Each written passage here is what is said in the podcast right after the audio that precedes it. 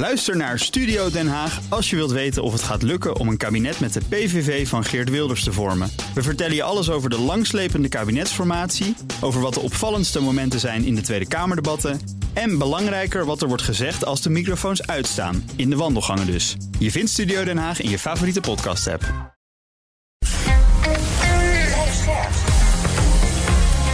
BNR Nieuwsradio. Beter.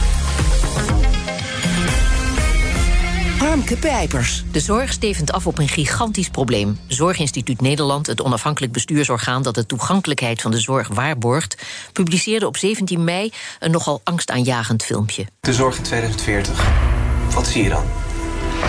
Tekorten aan alles. Uh, er is een tekort aan zorgverleners, materiaal, mensen met psychische problemen die zwerven wat rond. Die veroorzaken overlast, worden door de politie opgepakt, in de cel gestopt en daarna weer vrijgelaten. Het ziekenhuis, de specialisten merken het, de ouderenzorg, de jeugdzorg. Ik denk vooral de kwetsbaren, dat we die aan hun lot moeten overlaten.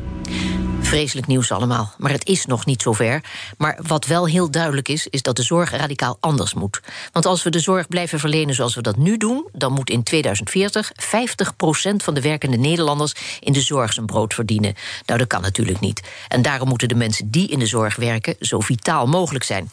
Het ziekteverzuim in de sector ligt met 7% boven het Nederlands gemiddelde van 5% En human resource afdelingen werken zich drie slagen in de ronde om het personeel gezond te houden.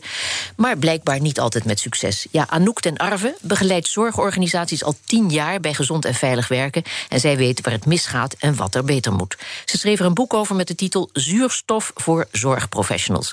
Anouk, wat is nummer één die jij HR-afdelingen in een zorgorganisatie ziet maken? Uh, nummer één fout is, uh, wat ik zie, is dat ze ongelooflijk stapelen. Voor ieder onderwerp, ieder thema hebben ze een ander programma, een ander beleid, een andere methode, waardoor het uh, heel erg onoverzichtelijk wordt. En dan moet je denken aan een verzuimbeleid, een opleidingsbeleid, een onboardingbeleid, een beleid fysieke belasting, een beleid psychosociale belasting, een beleid voor ongepast gedrag, voor jongeren, voor vrouwen in de overgang en ga zo maar door. Ja. Ik heb begrepen dat jij in het verleden zelf dit soort trainingen gaf. Hoe kijk je daar nu tegenaan? Zelfs een workshop over um, alcoholgebruik onder werknemers. Dat was een groot succes? Dat was een enorm uh, succes. Daar kwam helemaal niemand. Uh, dus ik heb daar enorm ook van geleerd. Hè, dat je, uh, wat ik eigenlijk hiermee wil, wil, zeggen is dat zeker in deze tijd waarin je heel veel ja, schaarste hebt aan tijd en geld, dat je moet focussen op die zaken die ertoe doen. En als ik zie hoeveel tijd het kostte om zo'n workshop voor alcohol of tegen alcoholmisbruik zeg maar, te organiseren. En hoeveel offerte rondes daar doorheen gingen. Hoe het, hoeveel tijd kostte om medewerkers daarvoor uit te nodigen. Uh, en vervolgens kwam er niemand. Dacht ik, ja, dat, dat moet je toch op een andere manier gaan, uh, gaan organiseren. Dit moeten we in ieder geval niet doen. Nee. Uh, je hebt dat ook nooit meer gedaan? Ik heb dat ook nooit meer gedaan. Helemaal klaar. Helemaal klaar mee. Ja. Maar goed, je zegt het al. Waar moet de werkgever zich dan allemaal wel mee bemoeien? Wil hij uh, vitale medewerkers krijgen? Nou, de afgelopen uh, tien jaar hebben we eigenlijk uh, heel veel onderzoek en praktijkonderzoek gedaan naar, naar waar zit de grootste invloed van die werkgever. En dan zie je dat als je de vitaliteit en de gezondheid van zorgprofessionals wil verbeteren, dat je als werkgever je gewoon moet bemoeien met die dingen waar je ook verantwoordelijk voor bent, namelijk mm -hmm. gezonde arbeidsomstandigheden en het verminderen van de energie vreters, zoals werkdruk, regeldruk, uh, slechte leidinggevende. En het verbeteren van energiegevers. Hè, samenwerken in het team, betere roostering, rolduidelijkheid. Uh, en je dus niet gaan bezighouden met vitaliteitsprogramma's. Ja, en waar eindigt dan de verantwoordelijkheid van de werknemer en waar begint die van de werkgever? Um, de werkgever is verantwoordelijk voor uh, de arbeidsomstandigheden. En de werknemer is verantwoordelijk voor zijn eigen gezondheid en uh, eigen ontwikkeling.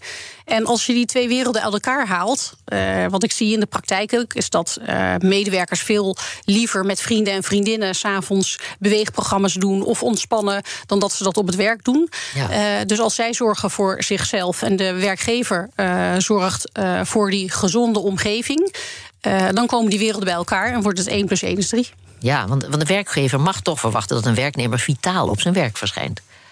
Uh, dat mag je zeker uh, verwachten. Je hebt een arbeidscontract uh, en daarin staan afspraken over wat je, ja, wat je verwacht dat de andere gaat, gaat leveren.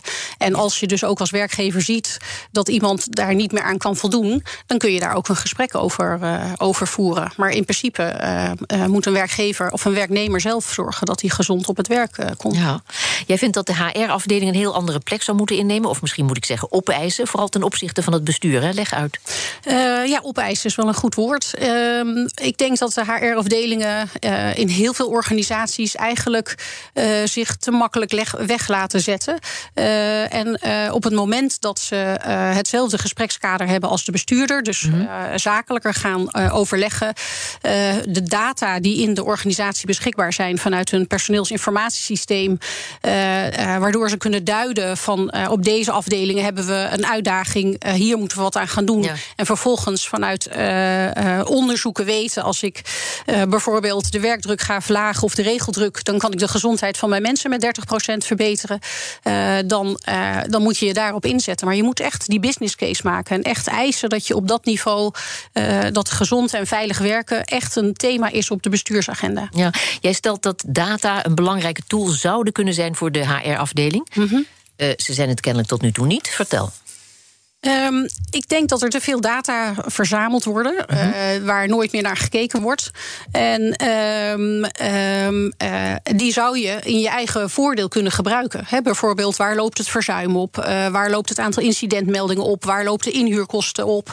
En wat je ziet in de praktijk, dat in teams waar het slechter loopt, die gaan ook steeds minder signaleren dat het slecht loopt. En gaan steeds minder een hulpvraag stellen. Dus je zou als HR veel beter data kunnen gebruiken om te signaleren daar waar je uitdagingen het grootst zijn. heb je op vijf, over vijf jaar nog wel de juiste mensen op de juiste plek?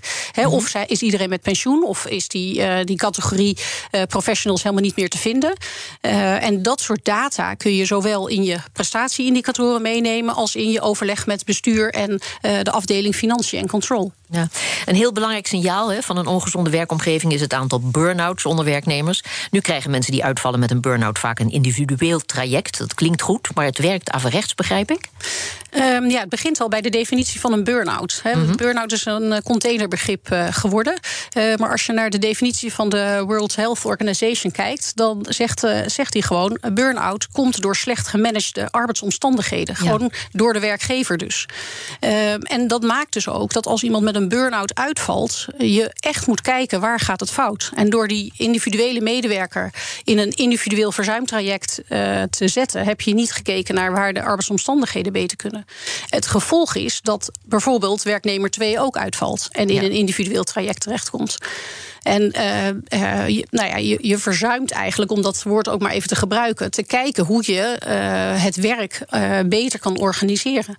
Ja, want dat is het. Want ik bedoel, dat vroeg me af wat, is, wat nou de juiste reactie is op die, op die burn-out. Het werk beter organiseren. Is daar alles mee gezegd?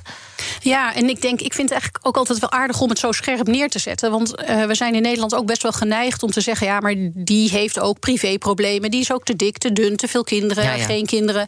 En door echt te zeggen van nee, maar als iemand een burn-out heeft, komt het door het werk, dan, dan voel je al die verplichting. Oké, okay, ik ben als werkgever verantwoordelijk dus voor de uitval van deze, uh, deze figuur. En als de kern van het probleem ligt bijvoorbeeld in een privé-situatie, dan ga je het ook anders aanvliegen. Dan ga je kijken: oké, okay, het gaat privé niet goed, maar wat kan deze persoon nog doen om wel nog aan het werk te blijven? Maar het kan ook een excuus zijn voor de werkgever om dan maar te denken: ze zoekt het maar uit of hij zoekt het maar uit. Ja, en, en dat is. Komt dat uh, vaak voor? Dat komt, uh, dat komt denk ik heel vaak voor. Maar deze vrijheid hebben we niet meer. Hè. We hebben net dat filmpje gehoord. In 2040 uh, zijn er gewoon te, te, weinig mensen. Dus we kunnen ons dat niet meer permitteren om daar op die manier in te gaan ja. staan vitale werknemers. Dat begint bij een gezonde werkomgeving. Maar, maar wat is dat dan? Wat bedoel je daar precies mee? Um, een vitale werkomgeving, gezonde werkomgeving... of een gezond organisatieklimaat, zoals wij dat noemen... dat is een uh, werkomgeving waarin het makkelijkst gezegd is... als je naar je werk komt, dan ervaar je iedere dag... Uh, dat je uh, gehoord wordt, je, je professionaliteit kan inzetten... dat je mag fouten maken mag, dat je met elkaar betrokken bent... om het, die dienstverlening, zeg maar, voor die doelgroep waar je voor werkt, optimaal mogelijk in te zetten. Ja. Um, en wat we zien, zeg maar, in, in een organisatieklimaat wat gezond is. Dat daar de werkdruk lager is, het verzuim lager is, het verloop lager is, de kwaliteit van de zorg uh, beter is en de gezondheidsklachten lager zijn. En mensen zeggen ook veel vaker: wij mogen daar, wij, wij lossen dit met elkaar op. En in een organisatieklimaat wat slecht is, hebben we ook veel onderzoek naar gedaan. Daar zeggen mensen eigenlijk ja, heel plat gezegd, het heeft geen zak meer met zorg te maken. Het gaat hier om geld. We mogen geen fouten maken, worden afgerekend. Onze rug wordt niet gedekt. We doen er niet toe. En dan voel je eigenlijk al direct het verschil tussen een goed organisatieklimaat en een slecht organisatieklimaat. Een goede leidinggevende, betrokken bestuur, vriendelijke collega's, een sfeer waarin problemen geagendeerd kunnen worden. En als je een probleem opwerpt, wordt er iets aan gedaan. Ja, dat klinkt geweldig, maar ook als een fantasiewereld. Kom je dit soort teams in, in de echte wereld wel tegen? Ja, die kom je zeker tegen. Ja, ja. Die, uh, uh, nou, ik heb eh, twee jaar geleden eh, samen met een collega twintig bestuurders geïnterviewd waarvan we dachten, die doen het uh, goed. Hè. Is een boekje mhm. Gezond Leiderschap over uh, geschreven. En um, ja, wat je ziet is dat, ook al lijkt het een open deur en een, en een fantasiewereld, dat uh, dat als uh, bestuurders en, en HR een, een, een, een, omgeving weten te creëren waarin je gewoon als mens. Uh, want zorgprofessionals zijn eigenlijk allemaal ontzettend bevlogen. Waarin je mhm. gewoon met bevlogenheid en plezier je werk kan doen. dat, dat je dan in zo'n opwaartse spiraal terechtkomt. Ja. die ik net beschreef. Maar als die gezonde werkomgeving er nog niet is, dan is het een hele kluif om daar te komen. Voordat mensen bij voorbaat al opgeven. Ja. vertel, um, want dat willen we natuurlijk niet Wat levert het op om een gezonde en veilige werkcultuur te hebben? Uh, nou, wat we hebben gezien in een van de grote wetenschappelijke onderzoeken die we hebben gedaan naar het organisatieklimaat, is dat uh, door zo'n omgeving te creëren en door voortdurend in alle lagen van de organisatie daarover met elkaar in gesprek te gaan en die uh, issues die je tegenkomt ook echt te tackelen en op te lossen, is dat het werkgerelateerde verzuim met bijna 70% is gedaald.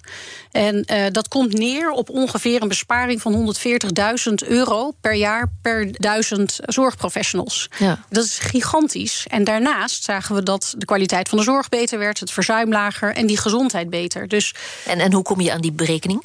Uh, die berekening hebben we, dat is uh, een, een uh, zesjarig wetenschappelijk onderzoek geweest, waar een van mijn oude collega's op gepromoveerd is. Ja. Elke vitaliteitsinterventie belooft veel rendement. Hè? Wat, wat is nou het mhm. verschil tussen weer zo'n goed bedoeld vitaliteitsprogramma en dat wat jij voorstaat?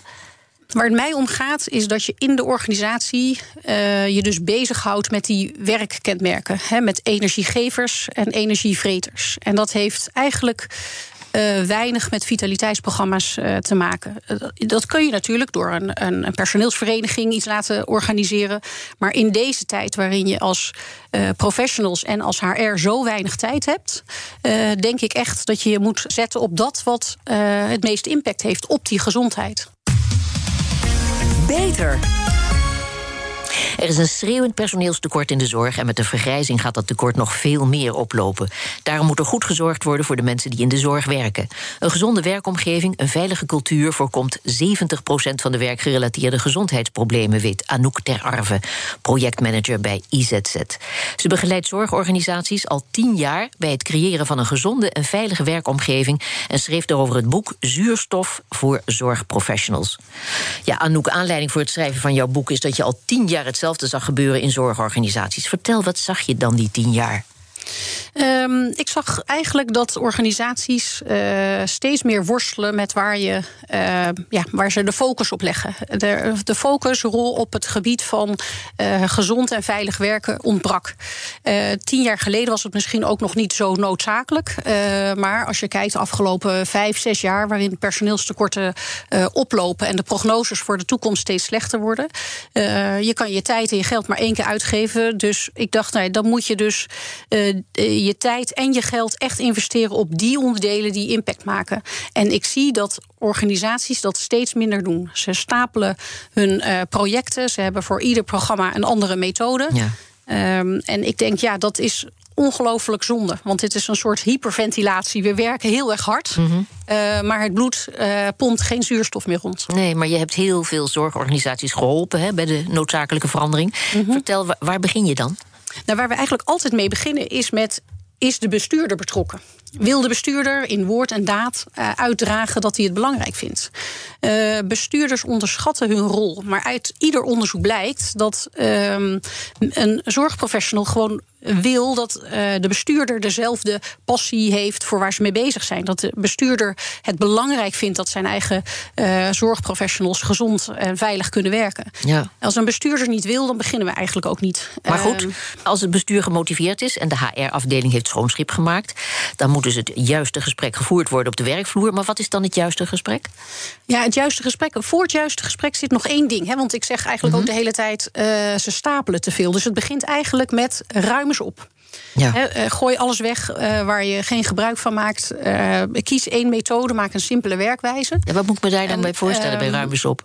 Ehm, ik kom, vraag eigenlijk heel vaak bij zorgorganisaties... -hmm. hoeveel projecten hebben jullie? Of, en dan zit het gemiddeld tussen de 100 en 150 projecten. Oh, in de, op een afdeling van vier, vijf HR-adviseurs. Ja. ik kom ook bij een organisatie die zegt... als wij nou vandaag deze mail de deur uit doen... dan zijn we net voor dat andere clubje HR-adviseurs... En dan hebben wij onze directeuren bereid en misschien komt ons project er dan wel door.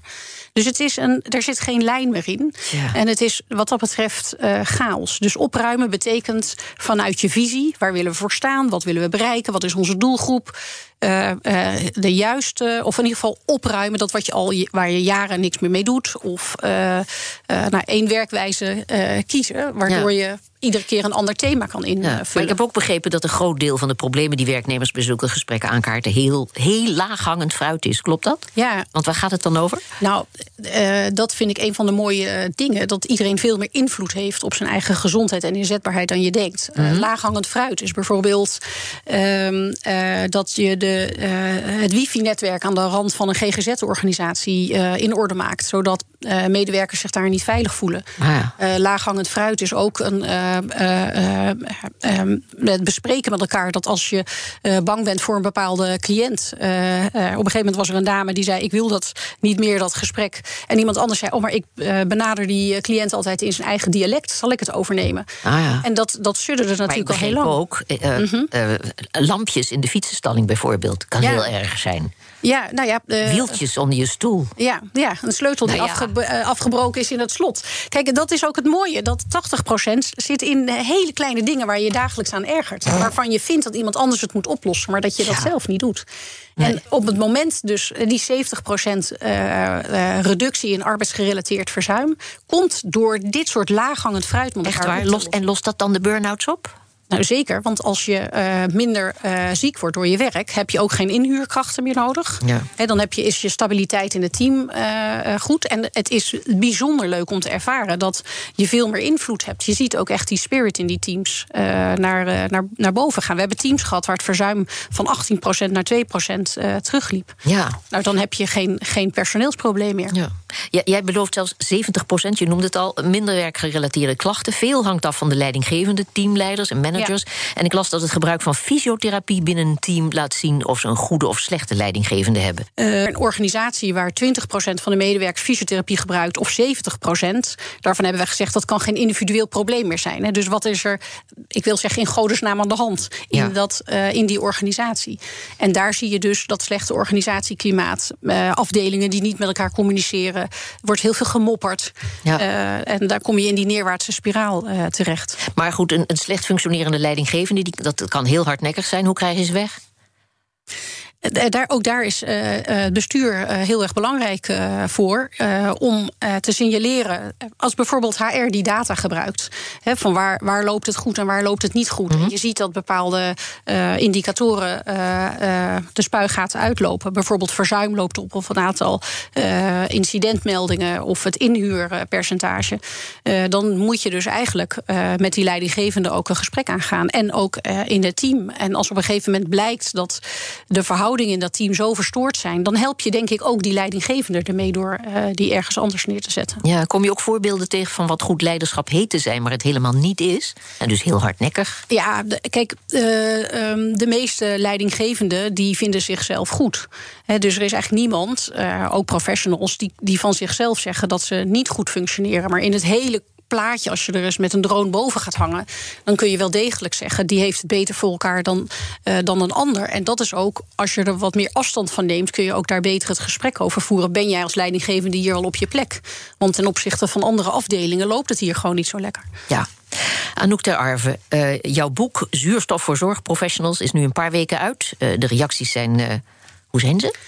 Ja, bijzonder uh, uh, positief. Ik had het niet uh, verwacht. Het boek is nu 2,5 week uit. En, er bleek behoefte aan te zijn. Ja, ja. ja.